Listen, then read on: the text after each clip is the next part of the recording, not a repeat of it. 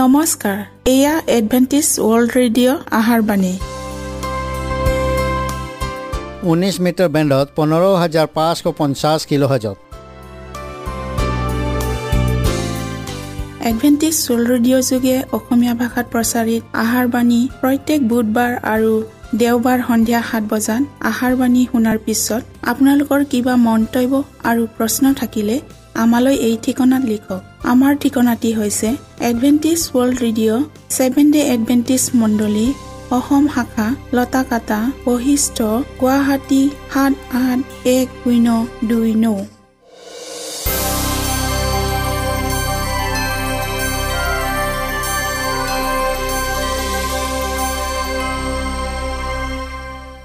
প্ৰিয় শ্ৰোতা বন্ধুসকল এতিয়া শুনো আহক এটি খ্ৰীষ্টীয় ধৰ্মীয় গীত।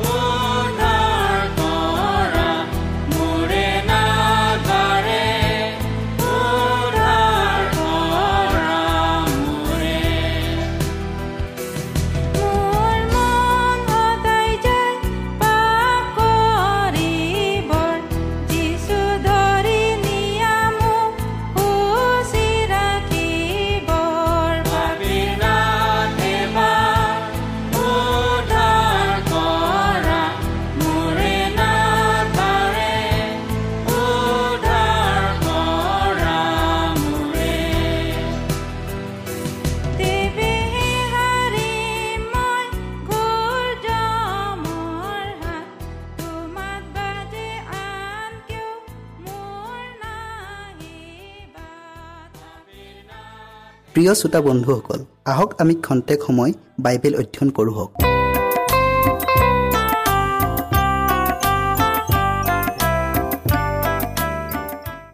প্ৰিয় শ্ৰোতাসকল নমস্কাৰ। আমাৰ আজিৰ অংশটো হ'ল শস্য ক্ষেত্ৰ যুগুত কৰা। শাস্ত্ৰপদ আপোনালোকে পঢ়ক লোক আদ অধ্যায়ৰ নৌৰ পৰা ওঠৰ পদলৈকে। বিষয়টি আগবঢ়াৰ আগতে আমি প্ৰাৰ্থনা কৰোঁ হওক। সেই সৰ্বশক্তিমান পবিত্ৰ ঈশ্বৰ হোৱা এই সুন্দৰ সময়ৰ বাবে তোমাক ধন্যবাদ দিছোঁ। প্ৰভু আমি আজি নতুন দৃষ্টান্ত শস্য ক্ষেত্ৰ যুগুত কৰাৰ বিষয়ে অধ্যয়ন কৰিবলৈ আগবঢ়াইছোঁ। প্ৰভু তুমি আমাক পবিত্ৰ আত্মাৰ যোগেদি সংগে সংগে থাকা। আৰু প্ৰত্যেক শ্ৰোতাৰ হৃদয় তুমি পবিত্ৰ আত্মাৰ যোগেদি স্পৰ্শ কৰা। যীশুৰ নামত আমেন।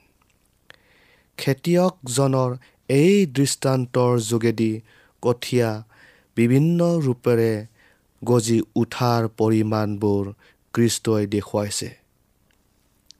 দৃষ্টান্তত খেতিয়কজন আৰু কঠীয়াৰ কোনো পাৰ্থক্য দেখুওৱা নাই।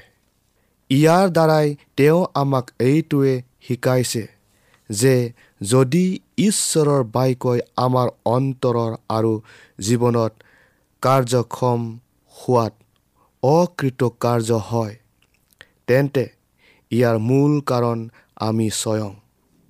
আৰু এনে অক্ষমতা আৰু নিয়ন্ত্ৰণাধীন সঁচা আমি নিজকে নিজে বা নিজৰ পৰিৱৰ্তন সাধন কৰিব নোৱাৰোঁ। কিন্তু চিন্তা শক্তি হ'লে আমাৰ আছে। আমি কি পৰিস্থিতি বা অৱস্থাত থাকিম ইয়াৰ সিদ্ধান্তত নিশ্চিত হ'ব পাৰোঁ।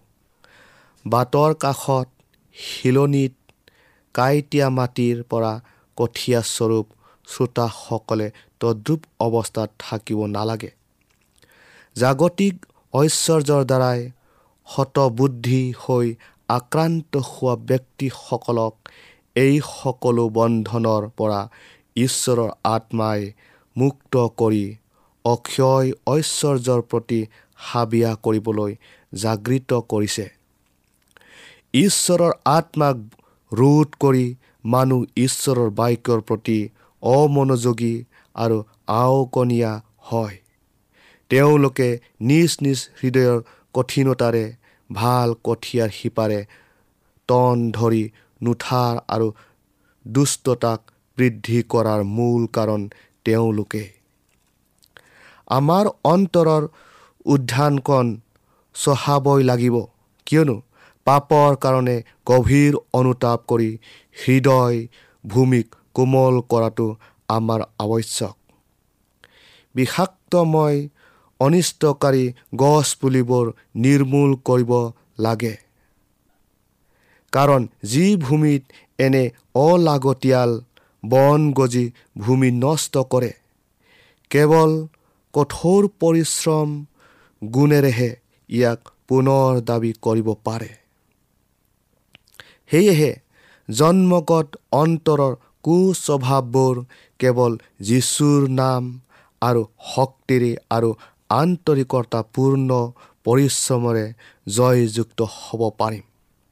ঈশ্বৰে তেওঁৰ ভাৱবাদীৰ দ্বাৰাই আমাৰ এই কথা জেৰেমিয়া চাৰি অধ্যায়ৰ তিনি পদত কৈছে তোমালোকে নিজৰ পতিত মাটি চহোৱা কাঁইটৰ মাজত গুটি নুৰুবা আৰু সচিয়া দহ অধ্যায়ৰ বাৰ পদত কৈছে তোমালোকৰ নিমিত্তে ধাৰ্মিকতাত কঠীয়া ৰুবা আৰু দয়া অনুসাৰে ডুবা আমাৰ প্ৰতি তেওঁ এই কাৰ্য সিদ্ধ কৰিবৰ বাঞ্ছা কৰে আৰু ইয়াৰ কাৰণে তেওঁ আমাক তেওঁৰে সৈতে সহযোগৰ কামনা কৰে।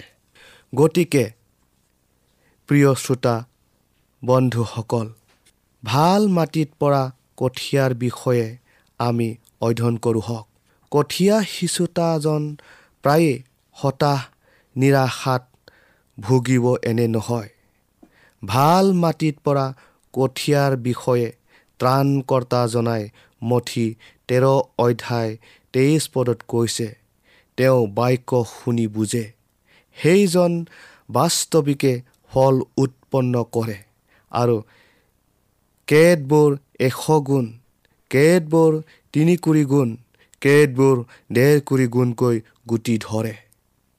আৰু লোক আঠ অধ্যায় পোন্ধৰ পদত কৈছে কিন্তু ভাল মাটিত যি সেইবোৰ হৈছে এনেকুৱা মানুহ যিবিলাকে বাক্য শুনি তাক সৰল আৰু শুদ্ধ মনত ৰাখি ধৈৰ্যৰে ফল উৎপন্ন কৰে। দৃষ্টান্ত উল্লেখিত সৰল আৰু শুদ্ধ অন্তৰৰ ব্যক্তিজন নিষ্পাপ নহয়। কাৰণ হেৰুৱাজনলৈকো সুবাৰ্তা ঘোষণা কৰিব লাগে। কৃষ্টই কৈছে মাৰ্ক দুই অধ্যায় সত্ৰপদত মই ধাৰ্মিকক নহয় পাপীকহে নিমন্ত্ৰণ কৰিবলৈ আহিছোঁ। পবিত্ৰ আত্মাৰ দ্বাৰাই দোষী সাব্যস্তকৰণৰ ব্যৱস্থা স্বীকাৰ কৰা জনৰহে অন্তৰ শুদ্ধ সেইজনেহে নিজৰ ভুল ভ্ৰান্তি স্বীকাৰ কৰি ঈশ্বৰৰ দয়া আৰু প্ৰেমৰ আৱশ্যক অনুভৱ কৰিব। সেইজনেহে বিনম্ৰতাৰে ঈশ্বৰৰ সত্য গ্ৰহণ কৰি তাৰ বাধ্যতাত চলিবলৈ আগ্ৰহী হয়। সৰল অন্তৰেৰে ঈশ্বৰৰ বাক্যৰ ওপৰত বিশ্বাস বা ভৰসা ৰখা বিশ্বাসী অন্তৰ। বিশ্বাস অবিহনে ঈশ্বৰৰ বাক্য প্ৰাপ্ত হোৱা অসম্ভৱ। কিয়নো ঈশ্বৰ যে আছে আৰু তেওঁ যে তেওঁক বিচৰা লোকৰ পুৰস্কাৰ দিওঁতা হয় ইয়াকে তেওঁ ওচৰলৈ চপা মানুহে বিশ্বাস কৰিব লাগে। প্ৰিয়সকল এওঁবিলাকে ঈশ্বৰৰ বাক্য শুনি গ্ৰহণ কৰে। কৃষ্টৰ দিনৰ ফৰিচীবিলাকে নিজ নিজ অন্তৰৰ চকু কাণ বন্ধ কৰিলে যেন তেওঁলোকে আত্মিক কথাবোৰ দেখি নাপায় আৰু শুনি নাপায়। সেয়ে ঈশ্বৰৰ সত্যই তেওঁলোকৰ অন্তৰ স্পৰ্শ কৰিব নোৱাৰিলে। কিন্তু তেওঁলোকৰ মনৰ কঠিনতাৰ নিমিত্তে ইচ্ছাকৃত অজ্ঞতা আৰু নিজকে অন্ধতা কৰাৰ পৰিণাম ভোগ কৰিবই লাগিব। কিন্তু কৃষ্টয়ে তেওঁৰ শিষ্যবিলাকক নিজ নিজ অন্তৰৰ ডুবাই মুকলি কৰি দি তেওঁৰ শিষ্যবোৰৰ বিশ্বাসেৰে গ্ৰহণ কৰিবলৈ উদগনি দিছিল। তেওঁলোকে যি দেখিলে আৰু শুনিলে তাকে বিশ্বাস কৰাত কৃষ্টই শিষ্যবিলাকক আশীৰ্বাদ প্ৰাপ্ত কৰিছিল। ভাল মাটিত পৰা শ্ৰোতাসকলে ঈশ্বৰৰ বাক্য গ্ৰহণ কৰিছিল। তেতিয়া মানুহৰ বাক্য বুলি নহয়। কেৱল সেইজনেহে প্ৰকৃত শিক্ষাৰ্থী যিজনে শাস্ত্ৰখন তেওঁৰ প্ৰতি ঈশ্বৰৰ মাত বুলি বুজি পায়। তেওঁ ঈশ্বৰৰ বাক্যত সম্পূৰ্ণ ভৰসা কৰাত সেয়ে তেওঁলৈ জীৱন্ত বাস্তৱ স্বৰূপ হয় আৰু তেওঁ সমস্ত অন্তকৰণেৰে গ্ৰহণ কৰিবলৈ প্ৰস্তুত হয়। কৰ্ণিলীয় আৰু তেওঁৰ সংগীসকল এনে শ্ৰোতা আছিল।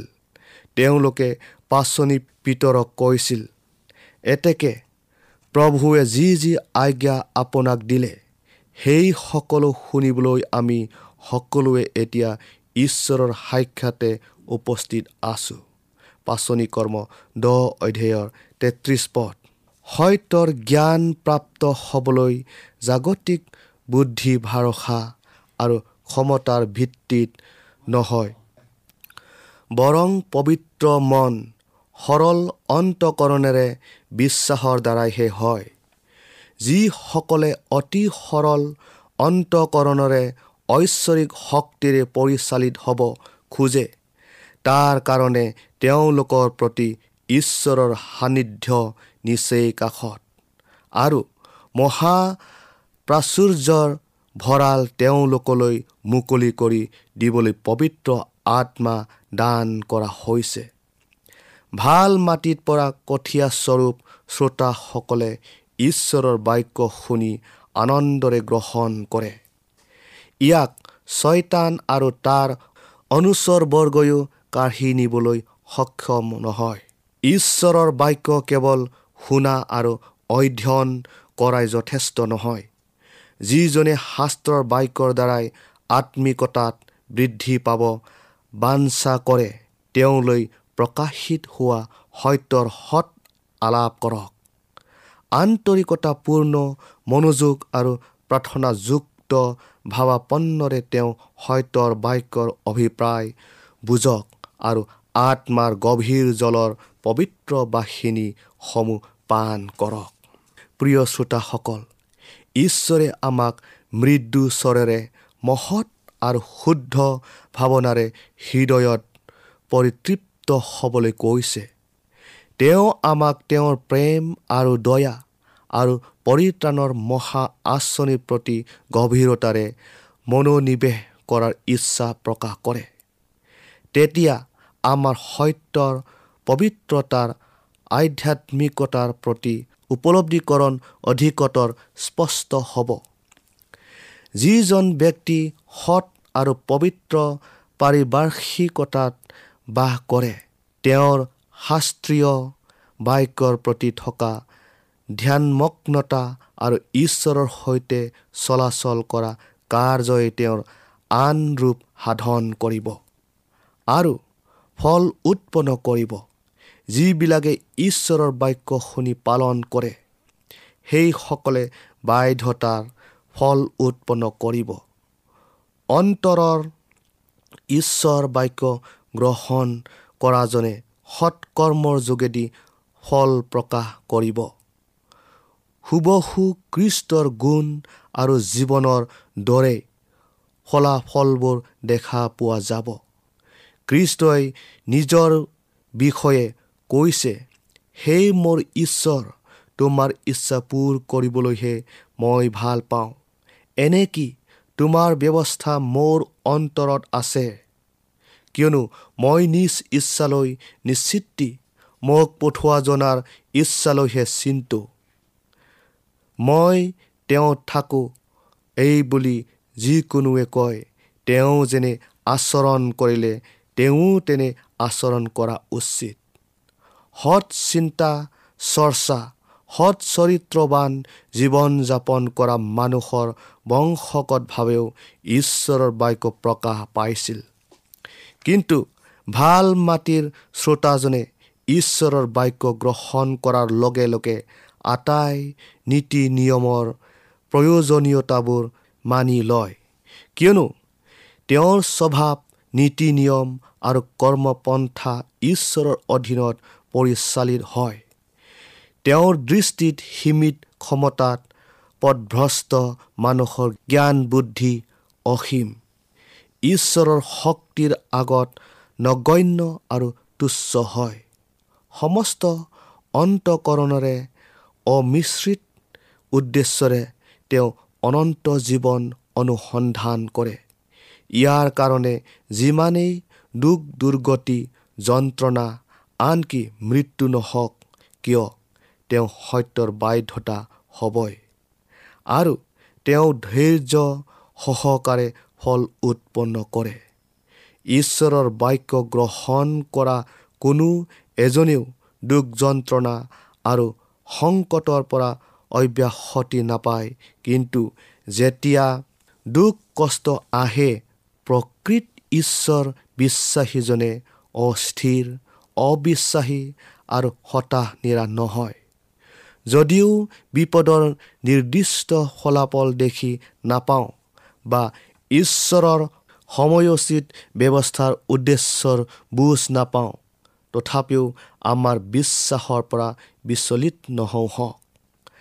আমি প্ৰভুৰ আলসুৱা মৰম আৰু প্ৰেমৰ কথা সোঁৱৰণ কৰি আমাৰ চিন্তাৰ ভাৰ তেওঁৰ ওপৰত সোধাই দিওঁ হওক আৰু ধৈৰ্য সহকাৰে তেওঁৰ পৰিত্ৰাণলৈ অপেক্ষা কৰোঁ হওক অন্তৰ্দ্বন্দ্বৰ দ্বাৰাই আত্মিক জীৱন দৃঢ় হয়।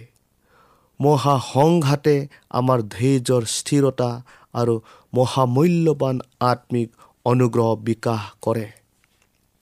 বিশ্বাসৰ উৎকৃষ্ট ফল নম্ৰতা আৰু প্ৰেম সংকটৰ ধুমুহা বতাহ বলোৱাৰ সময়ত অতি পূৰঠ হৈ উঠে। জাকো পাঁচ অধ্যায় সাত পদত কৈছে চোৱা খেতিয়কে খেতিৰ বহুমূল্য শস্যলৈ বাট চাই থাকে আৰু যেতিয়ালৈকে প্ৰথম আৰু শেষৰ বৰষুণ নাপায় তেতিয়ালৈকে শোষণ কৰি থাকে। তদ্ৰুপ ঈশ্বৰ বিশ্বাসীজনেও তেওঁৰ জীৱনত ঈশ্বৰৰ বাক্যৰ আত্মিক ফল নধৰালৈকে ধৈৰ্যৰে অপেক্ষা কৰিব লাগে। আমি ঈশ্বৰৰ আত্মাৰ অনুগ্ৰহ বিচাৰি যেতিয়া প্ৰাৰ্থনা কৰোঁ তেওঁ সংকটৰ মাজত আমাক ৰাখি প্ৰাৰ্থনাৰ উত্তৰ এই অভিপ্ৰায়েৰে দিয়ে যে ফলৰূপ বিশ্বাসত পূৰত হৈছোঁ নে নাই তাৰ পৰীক্ষা কৰে। কিন্তু তেওঁৰ উদ্দেশ্য আৰু মহাত্ম নুবুজি নিৰুৎসাহী হওঁ। তথাপিও এই অনুগ্ৰহৰ বিকাশ ঘটাবলৈ কাৰো সাধ্য নাই। যদিহে গজি উঠি ফল ধৰিবলৈ ঐশ্বৰিক বিধি প্ৰণালীৰ মাধ্যমেৰে নাযায়।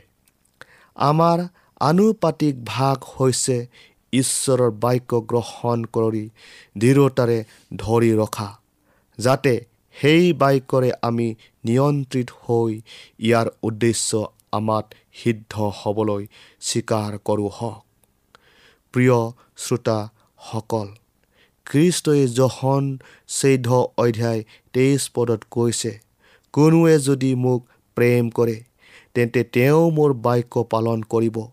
মোৰ পিতৃয়ে তেওঁক প্ৰেম কৰিব আৰু আমি তেওঁৰ ওচৰলৈ আহি তেওঁৰে সৈতে নিবাস কৰিম।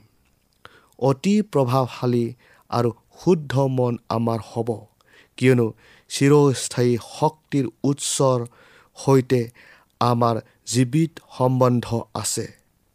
আমাৰ ঐশ্বৰিক জীৱনত চলিবলৈ যীশুখ্ৰীষ্টৰ অধীনলৈ নিয়া হ'ব। আমি স্বাৰ্থপৰতাৰে সাধাৰণ জীৱন যাপন অতিবাহিত কৰিব নালাগে। কিয়নো স্বয়ং খ্ৰীষ্ট আমাত বাস কৰিব। আমাৰ স্বভাৱ চৰিত্ৰত তেওঁৰ সৎ গুণবোৰ প্ৰতিফলিত হ'ব। এইদৰে আমি ডেৰ কুৰি গুণ তিনি কুৰি গুণ আৰু এশ গুণ পবিত্ৰ আত্মাৰ ফল উৎপন্ন কৰিম। প্ৰিয় শ্ৰোতা বন্ধুসকল এইটো দৃষ্টান্তৰ বিষয়ে আজি আমি ইমানতে সামৰিলোঁ। অহা অনুষ্ঠানত আমি আৰু এটা নতুন দৃষ্টান্তৰ বিষয়ে শুনিবলৈ পাম হওক। ঈশ্বৰে আপোনালোকক আশীৰ্বাদ কৰক।